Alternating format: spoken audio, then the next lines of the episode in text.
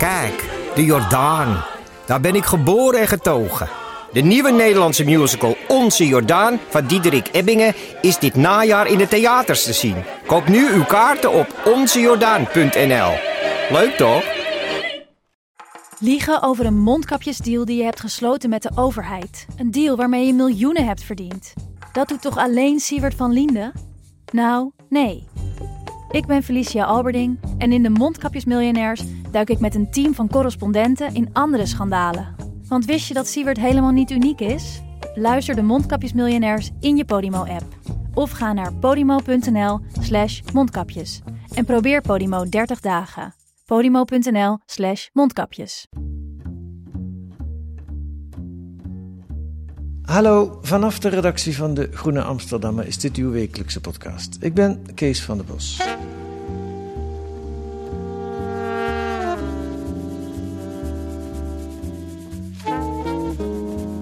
Groningen. Het herstel van de schade aan de huizen is een ramp in slow motion. Zo werd het door Irene van der Linden al in een eerder artikel genoemd. Het duurt allemaal veel te lang voordat het probleem überhaupt erkend was als schade als gevolg van de gaswinning. En vervolgens duurt het weer veel te lang voordat er echt iets gebeurt. En de Groningers, die verliezen het vertrouwen in politici en bestuurders. Volgende week beginnen de openbare verhoren van de parlementaire enquête over de gevolgen van de gaswinning. En Irene van der Linden keerde terug naar Overschild, een dorp in Groningen, en schrijft daarover deze week in De Groene. Welkom in de podcast, Irene. Dankjewel. Eerst maar een fragment. Haal weg nu de angst. Wij willen er hoopvol terug. Geef ons nu de kans. Dan kunnen we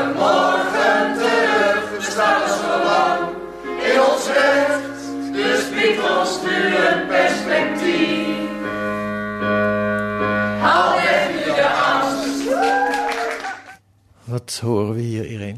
Ja, dit is het eindlied van het, eh, eh, van het toneelstuk eh, in Overschild. En dat is gespeeld door de lokale toneelvereniging, de, de Schildgroep heette ze. En daar was ik, nou, ik denk nu een maand geleden, bij de laatste voorstelling. Ja. En nou, ik vond, het is een prachtig toneelstuk. Waarin de bewoners zich ook zelf spelen. Maar ze, ze laten het publiek eigenlijk ervaren wat zij eh, ervaren. Dus je, het is een soort locatietheater. En het gaat over dat je hebt gereserveerd voor een rondleiding voor het dorp. En daar zijn allemaal obstakels voor dat je uiteindelijk echt die rondleiding krijgt. En, eh, en dit is het eindlied en dat is... eh, ja, heel, dan zingt uiteindelijk iedereen samen van toch veel emotioneler dan de rest van het stuk is ook, is ook gewoon een beetje humor.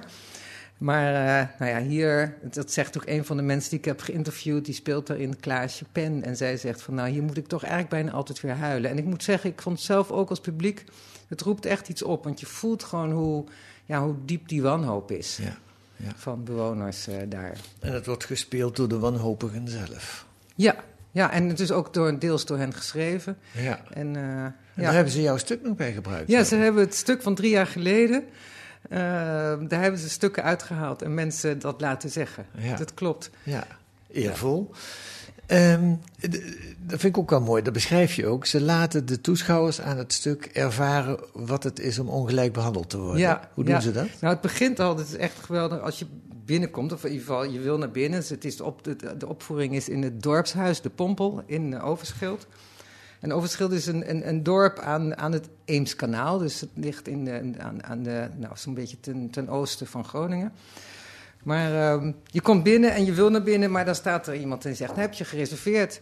En dan eh, duurt het einde en dan zeg je: Nou, nee, we staat niet op de lijst. En bewijs dan is dat je gereserveerd hebt. En dan moet je een, een bewijs laten zien, maar dat vinden ze dan niet goed genoeg. En dan moet je weer een formulier invullen. En ondertussen, dat moet iedereen dus doen. Iedereen zit er dus buiten formulieren in te vullen. En nou, dan wordt het weer gegeven. Nou, nee, dat is toch nog niet. We gaan het allemaal uitzoeken. En. ehm, nou, dat duurt al een tijdje. En ondertussen zijn er twee mensen die dan ook publiek spelen. Maar dat zijn dan de ac- acteurs. En die, die, daar, daar kijk je dan ook een beetje naar. Maar op een gegeven moment eh, eh, moeten ze dat nog steeds allemaal uitzoeken. Of, je echt, of er geen eh, fraudeurs bij zitten. Dus of je echt wel gereserveerd hebt voor deze voorstelling. En dan krijg je allemaal een code. En dat zijn dan zijn drie verschillende groepen. Er zijn drie codes en je wordt ingedeeld bij een van de groepen. En dan mag je naar binnen en dan moet je bij je code gaan staan, bij je eigen groep. En dan komt er op een gegeven moment een wagentje, een karretje met koffie en thee. Ja, we hebben hier koffie en thee. En dan deden ze dat aan één code uit. En eh, die krijgen ook nog een tompoes erbij. En heel lekker. En, die, en dan zeggen ze: nee, de rest van de codes helaas. We hebben geen, eh, die, daar moeten we eerst nog even uitzoeken. En dan de andere code krijgt dan water. Dus je staat daadwerkelijk echt te kijken hoe andere koffie en thee krijgen. En die tompoes zitten te eten. Terwijl je daar andere, die andere groep. Nou, en dat is een beetje wat tekenend is voor Overschild. Dat hele kleine dorpje is verdeeld in, in drie batches, drie groepen. En de ene van die groepen krijgt veel meer dan de ander. Ja, hoe krijgen ze het voor elkaar? Daar Ja. gaan, we het over hebben. Laten we eerst even Overschild, klein dorpje eh, ten oosten van Groningen. 400, 500? Ja, zo'n 500 inwoners. Het bestaat eigenlijk alleen maar uit een eh, kruispunt, uit een viersprong. Dat is de kern van het dorp. Ja, En dan heb je daaromheen, buiten de bordjes zoals het heet, eh, een, een- liggen nog helemaal voormalig boerderijen of boerderijen. En dat heet het buitengebied. Ja. En bij elkaar zijn het zo'n 500 mensen. zwaar getroffen dorp. Ik Ja. herinner me uit jouw vorige artikel dat 80% van de huizen afgebroken moeten worden. Ja. Eh, dus dat is bijna een nieuw dorp. Moet er gebouwd worden. Ehm, laten we wat overschilders, heet dat zo, voorstellen. Klaasje Pen, die naam is al genoemd. Wie is Klaasje Pen? Klaasje Pen, zij woont eh, in, in, eh, aan de Meer, Meerweg. En de Meerweg Dat is de hoofdstraat. Dat is een van de, van de vier straten. En deze straat die is als eerste geïnspecteerd in 2016. En zij eh, zit eigenlijk in de beste batch. En die straat die is helemaal afgebroken ondertussen. En eigenlijk staan er bijna allemaal al nieuwe huizen. Haar huis is ook nu nieuw. En ze is er net een maand geleden ingetrokken. En ehm, eh, de, de, de- ja, dat, eh, nou ja, ze- eh, zij heeft nu gewoon, en dat hebben natuurlijk die hele boel, een, een heel erg mooi, eh, duurzaam, levensbestendig, aardbevingsbestendig huis gekregen. ja. En beschrijf haar eens als persoon. Hoe oud is ze? Hoe ziet ze eruit? Hoe leeft ze? Ehm, eh, ja, ja, dan, hoe oud is ze? Moet ik altijd heel even kijken, want dat weet ik niet uit mijn hoofd. Ik zal eens heel even kijken of ik dat hier zo zie staan. In, in de 60, eh, In de volgens mij. 66. Ja, het, het komt niet Ik op. ben namelijk drie jaar geleden, ik zal even kort zeggen waarom. Oh, ze is Ja. 61 inderdaad. Oh ja. Want drie jaar geleden ben ik bij dezelfde, ik ben bij vier mensen langs geweest. En drie jaar geleden ben ik bij dezelfde vier mensen geweest. Dus daar moet ik even nadenken over de leeftijd. Ze was toen eh, eind 50 en nu begin 61 Ja, inderdaad. ja. En eh, zij woont daar met haar man. Haar kinderen zijn ondertussen uit huis. En zij heeft heel hard gevochten. Zij was, eh, heeft heel lang in de, de, de dorpsraad ook gezeten. Die vocht voor een betere situatie in het dorp. ja. En ehm, nou, haar huis moest dus helaas eh, weg. Zij, is, zij zijn in de jaren negentig naar, naar Overschild gekomen. En onder andere omdat ze het zo'n mooi huis vonden. Want zijn oude huis was de laatste kruidenier. Het was gewoon een heel typerend huis voor het dorp. En eh, nou, ze hielden van het grote landschap en van het Eemskanaal. En ze hadden iets echt, wauw, we hebben goed gekozen. ja. Nou ja, totdat dit allemaal gebeurde. En eh, bij haar huis waren ze ook, kreeg natuurlijk ook heel veel schade, maar ook dus echt verzakkingen en problemen. Dus op een gegeven moment was het duidelijk dat eh, het afgebroken moest worden. Tot haar grote verdriet. Maar ja, ze zegt ook, uiteindelijk heb ik er natuurlijk nu wel een heel mooi huis voor terug. En, Ja. en zij zegt toch, ja, wij horen bij de badge van de geluksvogels. ja. Ehm, want ja, we Zij hebben uiteindelijk wel een mooi huis. En zij kregen de waarde, de taxatiewaarde terug van hun woning. Dus, eh, Ja, ze hebben de tompoes gekregen. zij, zeggen. kreeg, zij zei ook, ik kreeg Ja. de tompoes en, eh, en Ja. de koffie. Ja, Maar eigenlijk zonder dat ik erom vroeg. En dat is natuurlijk ook, maakt het, ja, het heeft dat- gewoon geluk. dat zegt ze ook in het verhaal. Ze krijgt er ook een schuldgevoel bij. Ja.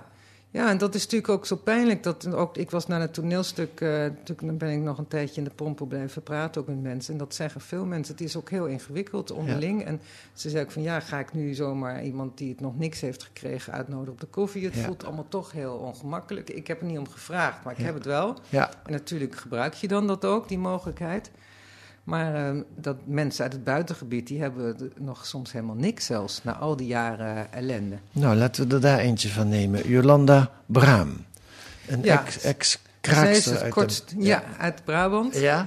En eh, zij is met haar vriend eh, ook een tijdje tijd geleden, naar twintig jaar geleden ongeveer, naar eh, Overschild gekomen. Zij woont in een voormalige boerderij, een gebinteboerderij. Maar buiten iets. Buiten de dorpskern. Ja. Dus echt eh, heel mooi. Vlak bij het Eemskanaal. Het is een prachtig huis en ontzettend mooi. Ze heeft een hele grote tuin, een enorme moestuin. En, en heeft ook nog twee eh, eh tomen kippen, paarden, honden, katten. Dus het, nou, heel mooi allemaal. En ze heeft, wonen. ja, Ja. en ze heeft samen met haar vriend hebben ze ook helemaal die boerderijen destijds verbouwd. Hebben ze schade?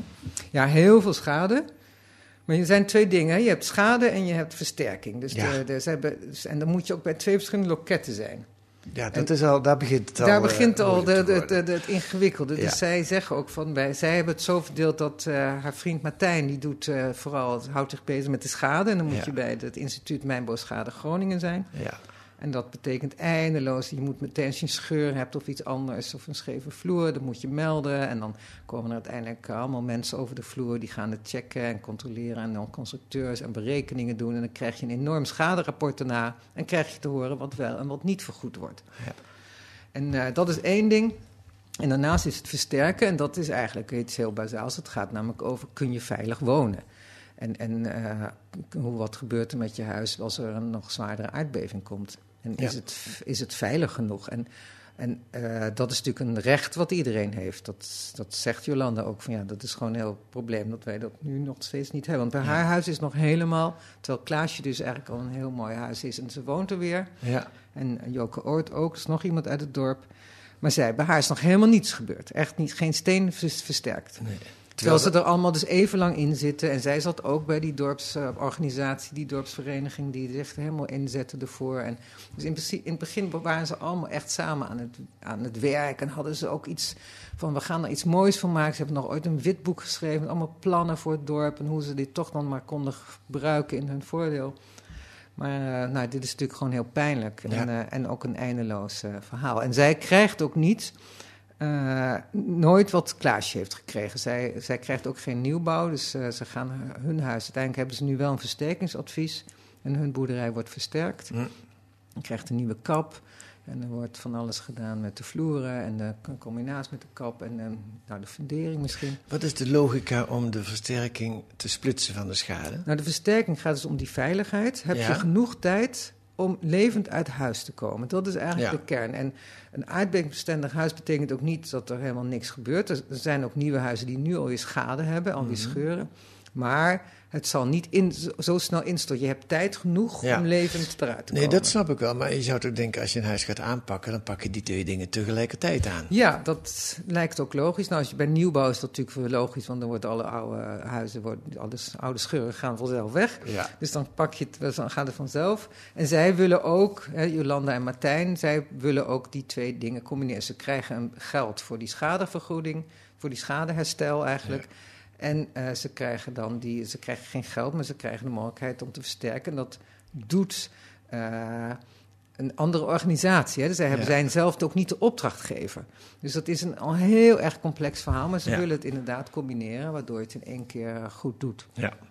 Ja, dat, is, dat tekent de ingewikkeldheid van de situatie Ja, van de. Groningers. Het is eh, bestuurlijke spaghetti genoemd door de ombudsman. En dat- Ooit al, eh, zes jaar geleden Ja, al. ja, ja, Laten we nog iemand. Even nog, hoe gaat het met Jolanda? Ik bedoel, je vertelt nu feitelijk hoe het met hun huis gaat, maar hoe maakt ze dat zelf mee? Hoe gaat het met hun? Zij woont daar met haar man, haar vriend. Haar vriend Martijn, ja.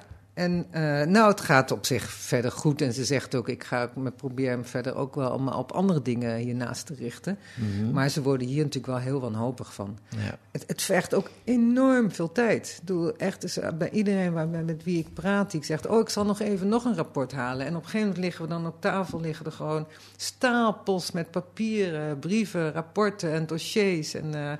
en ondertussen, ja, dan hebben ze nog niks. Ja. Het is, en dan moet je weer een bezwaar... Die Martijn zei ook van, nou, dan hebben ze weer een sch- een scheur afgekeurd... omdat die zogenaamd al hersteld zou zijn... En, eh, maar dat is dan een nieuwe scheur, dan moet ik weer een bezwaarschrift sturen. Dus je, Ja. je blijft maar. bedoel, Het is een ontzettende klus. Een super bureaucratische. En een benadering die ook vanuit de overheid een, vol zit met wantrouwen. Hè? Je moet alles bewijzen. Nou ja, dat is natuurlijk de grote kritiek. En dat was ook al de kritiek van de ombudsman destijds. En daar is uiteindelijk toch, dat, dat blijft gewoon toch uiteindelijk doorgaan. En eh, daar zit natuurlijk ook achter dat het gewoon over geld gaat. Ja. En, de, en de NAM eh, speelt daar een grote rol in, de Nederlandse aardoliemaatschappij. Die, Ja. die voor een heel groot deel die versterking moet betalen. Ja. En ehm, nou, dat, dat blijkt ook steeds meer. En dat is ook de reden waarom die, dat dorp in die drie badges is verdeeld. Als je eerder, diegene die het eerst is ge, uh, geïnspecteerd, toen was de, waren de veiligheidsnormen nog hoger. En de NAM heeft eigenlijk steeds elk jaar weer geprobeerd die, die normen omlaag te brengen. En uh, daardoor, en dan werd ook de versterkingsadvies erop aangepast. Dat is een reden dat het ook zo lang duurde. Ja. Want dat zorgde elke keer weer voor vertraging en voor onderhandelingen. En uh, zowel toen in 2018 heeft de overheid de regie overgenomen, maar die moest natuurlijk ook nog weer onderhandelen ja. met. Uh, Laten we naar iemand uit de derde batch gaan. Joke Oort. Volgens mij zit die in een derde batch. Ja, zij zit in de derde batch. Ik lees uh, in jouw stuk dat zij het niet aankon om naar het stuk te kijken. Of niet om het uit te zien. Nee. Zij, zij zit er emotioneel uh, nog, nog heel erg in. Ja, ja. Waar, waarom? Hoe, wat nou, is... Joke, die, Joke Oort, zij woont op de Kanaalweg. Dat is dus net de andere batch aan de andere kant van het kruispunt waar, uh, waar Klaasje woont. Dus ja. wel in de kern van het dorp. Ja. Zij heeft ook een heel mooi uh, nieuw huis. Zij kregen wel iets minder. Maar uh, zij heeft wel echt iets traumatisch meegemaakt. Namelijk dat ze, haar, het huis van haar buurvrouw werd opeens onveilig verklaard een aantal jaar geleden. En die buurvrouw moest ook meteen het huis uit. En toen kwamen ze ook, zeiden ze: Nou, we willen even bij jullie ja, op de koffie, we gaan je even updaten. En ze had eigenlijk nog niet zoveel door. Dus ze ging praten met de mensen toen van het Centrum Veilig Wonen, geloof ik.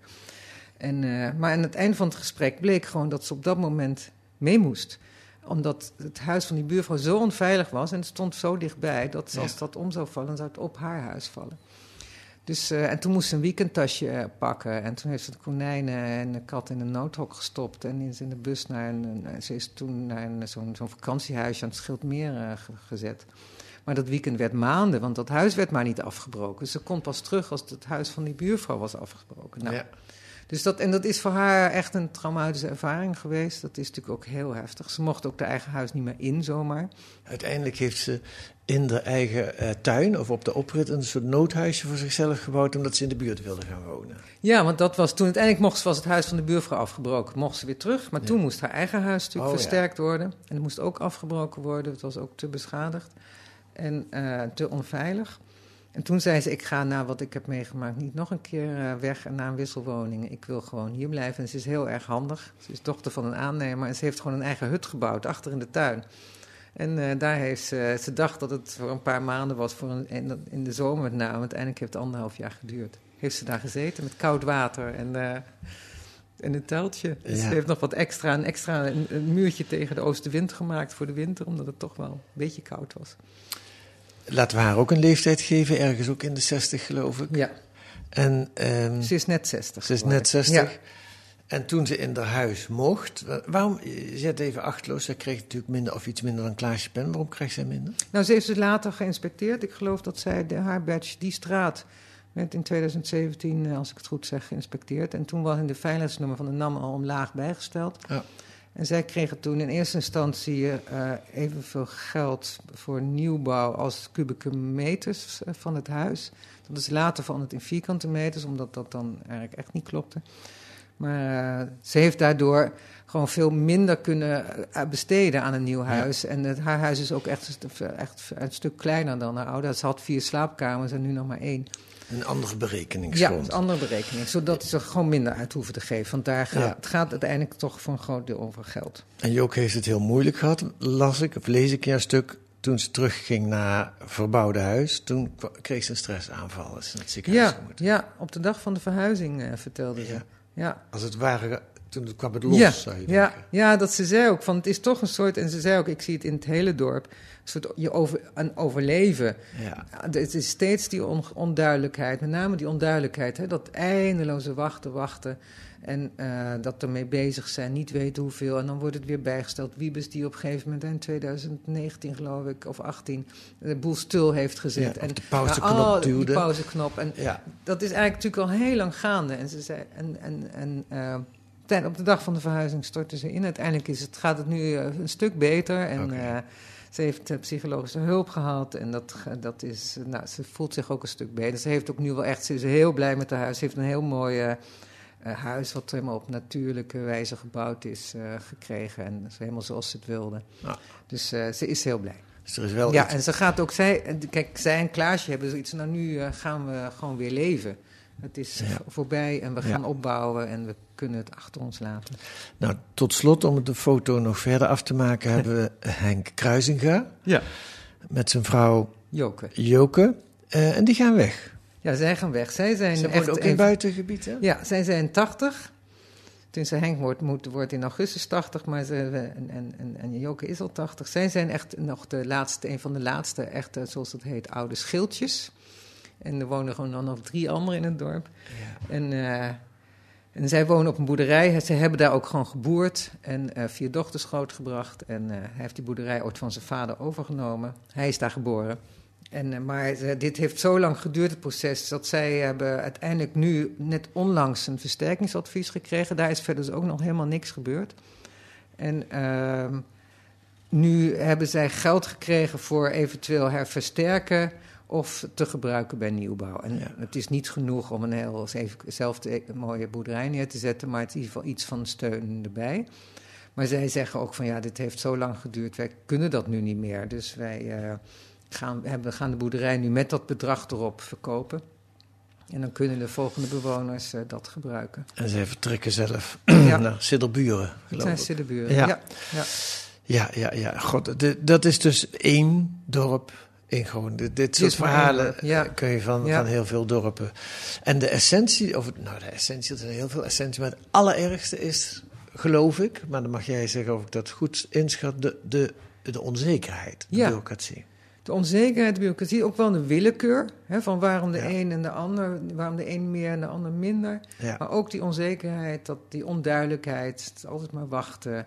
En ook wel heel erg dat wantrouwen. Dat, eh, bedoel, iemand roept ook van, eh, hè, er zijn heel veel ministers en, premier, en Rutte heeft natuurlijk vaak gezegd, we gaan ruimhartig om met de Groningers. Het is Ja. gewoon niet waar. Nee, Het is, het is niet ruimhartig. Er wordt steeds beknibbeld, ja, steeds weer minder. Eh, steeds eh, gesteggel over geld. ja. Eh, en dat is natuurlijk gewoon, dat voelt voor hen ook heel on- onterecht. Ja, het lijkt in die zin op de toeslagenaffaire. De mensen zijn eigenlijk slachtoffer van overheidsbeleid, in dit Ja. geval het oppompen van aardgas. Ja. En worden toch ehm, en worden eigenlijk niet, niet, niet fatsoenlijk behandeld. Nee. Daarna Daar Nee, komt het op neer. daar komt het op neer. En dan met het argument dus inderdaad van, nou ja, maar er mag niet gefraudeerd worden, hè, zogenaamd. Maar nou ja, je kunt je afvragen wie nou het meest schade loopt. En wat natuurlijk ook heel pijnlijk is, dat eh, de Algemene Rekenkamer heeft niet zo lang geleden uitgerekend, dat ondertussen nu al over vorig jaar was dat, 74% van elke euro aan schadevergoeding naar uitvoeringskosten gaat. Ja, je verzint het toch En maar een Ja. kwart naar het herstel van de schade. Ja. Dus dat betekent dat de constructeurs, de, aan, eh, de, de berekenaars, allemaal mensen die achter computers, om iedereen maar te controleren, Ja, eigenlijk uiteindelijk meer geld kost dan wat ze aan de mensen zelf uitgeven. drie kwart van het geld Ja, drie kwart. Ja. gaat naar controle en bureaucratie. Dus die ervaring van de Groningers klopt ook helemaal. Klopt de, helemaal. In de zin van, daar gaat ook al het geld naartoe, naar die controle naar die nou ja, bureaucratie. en dus ook die ervaring van het wordt steeds minder en het wordt steeds meer bezuinigd. Dat blijkt ook uit de cijfers, hè, dat de NAM dus steeds maar meer probeert minder uit te Ja. geven. Je schrijft nu al een aantal jaren over Groningen, wel met tussenpozen. Ehm, ik vroeg me af, hoe, is eigenlijk in hoe ben je in Groningen terechtgekomen? Ik ben ooit, ehm, wilde ik hier iets mee doen, omdat het, het- je leest er maar over. En ik dacht, nou, ik wil toch eens kijken hoe het daar is. Het was, dat was drie jaar geleden. En toen ehm, heb ik met de Nationale Ombudsman gepraat, want die was, zat er toen al heel erg bovenop. En die ging naar Overschild op bezoek, want hij deed regelmatig bezoeken in Groningen. En toen ben ik meegegaan.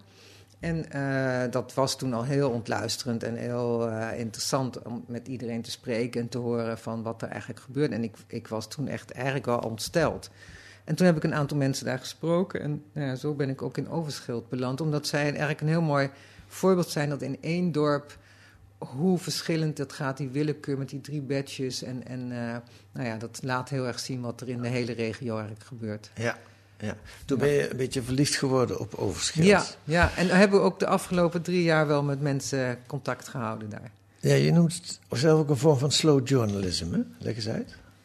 Nou dat je zo, sowieso, ik, ik ben ik wel, ik ben destijds de eerste keer heb ik een week daar gewoon een huisje gehuurd. En, eh, en ben ik daar gebleven en, en heb ik uitgebreid met die mensen gesproken. En eh, eh, heb, heb echt de tijd genomen, niet zomaar even een uurtje met daar en dan weer terug. Dus dat helpt, want dan daarmee voel je het ook veel meer, ook door daar zelf te slapen. Je komt gewoon een beetje in die, dat gevoel daar. En ze wilden het toen ook heel graag tegen jou vertellen. Zeker, Ja, ja, zeker toen. Ik denk nu zagen er ook mensen wel tegenop om weer het boel op te rakelen. Met name mensen die eigenlijk al klaar zijn van nou moeten we weer. Want je moet toch, eigenlijk iedereen wel. Ze zijn natuurlijk ook wel heel moe Ja. van steeds weer dat verhaal vertellen aan mensen van buiten. Ja.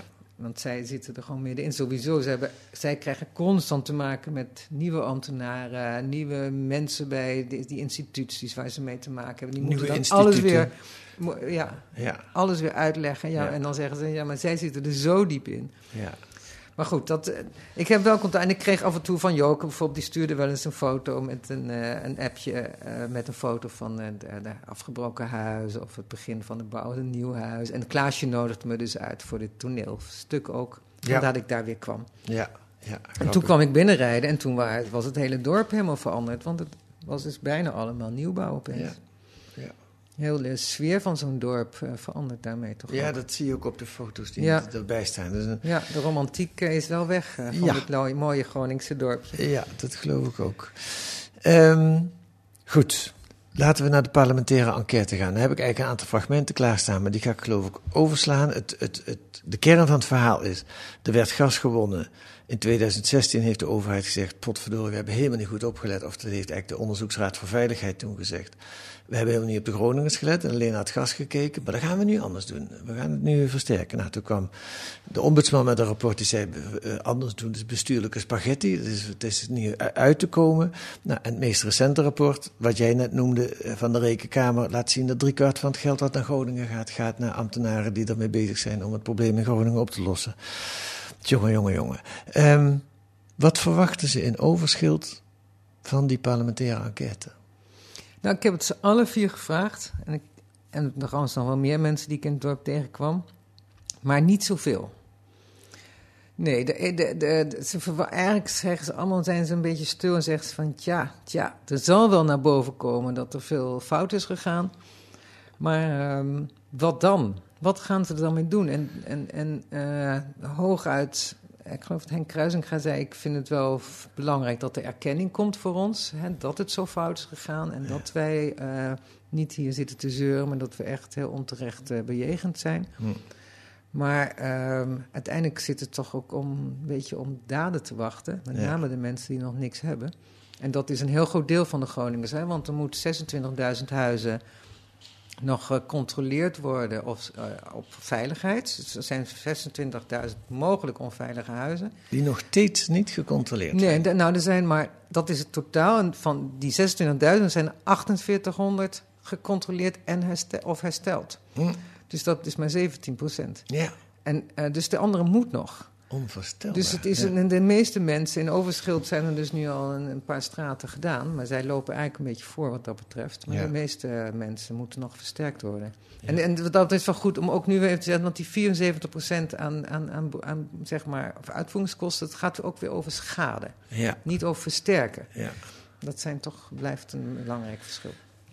En wat, ja, Ik En ben wat- nu even je vraag kwijt eigenlijk. Wat, Nou, wat vroeg je nou? wat ze de overschild verwachten Ja, van die nou ja, dit is dat ze. En dat, ik denk dat je. Dat, ze verwachten dus eigenlijk niet zoveel van. Behalve dus, er zal wel veel bagger naar boven komen, zoals Jolanda Braam zei. Maar uh, uh, wat dan? Wat gaan ze er dan mee doen? En wij willen hier vooral dat ons huis versterkt wordt. En, uh, maar ook wel. Het is, dat tekent denk ik ook wel het wantrouwen wat ze ondertussen want, gekre gekregen hebben. Ja. Zelfs uh, de, de, de, de, de echtpaar Kruisinga, wat gewoon heel... Uh, het zijn heel uh, echt gereformeerde mensen die heel overheidsgetrouw waren altijd. Maar zij zijn echt, dat betreft, zijn, en ze proberen, proberen vrolijk te blijven. En hè, ook met toneelstuk zeiden ze allebei, ja, het was echt humor, we hebben erom gelachen. Net zoals we maar lachen over onze situatie. Maar het is natuurlijk uiteindelijk, zijn ze wel echt, echt heel boos en uh, teleurgesteld. En wat verwacht jij van de parlementaire enquête? Dus ik snap wat je beschrijft, die betrokkenen, ja, hun, proble ja. hun, problemen zijn al zo groot, die kunnen helemaal niet meer opgelost worden door die parlementaire enquête. Dat moet gewoon zo snel mogelijk gebeuren. Ja. Maar als je er als buitenstaander naar kijkt, wat kan het opleveren, denk ik? Nou ja, ik, ik, ik denk toch dat het wel toch heel belangrijk is, die erkenning. Dat, en dat het echt op de ondersteen boven komt en echt duidelijk wordt van hoe is de besluitvorming gegaan? Hoe, hoe is dit proces gegaan van die afhandeling van de schade en de versterking? En ook wel, het gaat natuurlijk ook over de, de hele aard, het gaat over het hele proces, de aardgaswinning en alles. Maar waar ja. begonnen de eerste tekenen van aardbevingen? En nou ja, je wil eigenlijk dat echt wat achter de schermen gebeurt, Ja. eh, naar boven komt. Er zijn een paar grote vragen. Hè? Denk ik dan A, waarom heeft het zo lang geduurd voordat Ja. erkend is dat Ja. die bevingen schade veroorzaken? Dat is wel spannend als ze daaruit komen. Maar B, ook waarom moet het in godsnaam zo lang duren voordat mensen geholpen worden? Dat is toch gewoon, als er een ramp gebeurt, ga je toch helpen? Precies. En, en, en dat, is, dat blijft natuurlijk gewoon een grote vraag. En ook nadat dat geconstateerd was, dat het zo lang duurde, hè, onder andere de ombudsman, maar ook door, door eh, allerlei ministers die, die beterschap beloofden, dat het nog steeds niet beter werd. Ja, Dus eh, dat is wel een vraag die, eh, denk ik, heel belangrijk is. ja. Nou, we gaan het meemaken. Ga jij, ga je er naartoe? Ga je die volgen, die parlementaire Nou, ik ga hem wel volgen. Ik weet niet of ik het... Ja, ja, Ja. ik ben wel heel benieuwd. Ja. Zeker. Dankjewel, Irene van der Linden, voor dit gesprek. Dankjewel.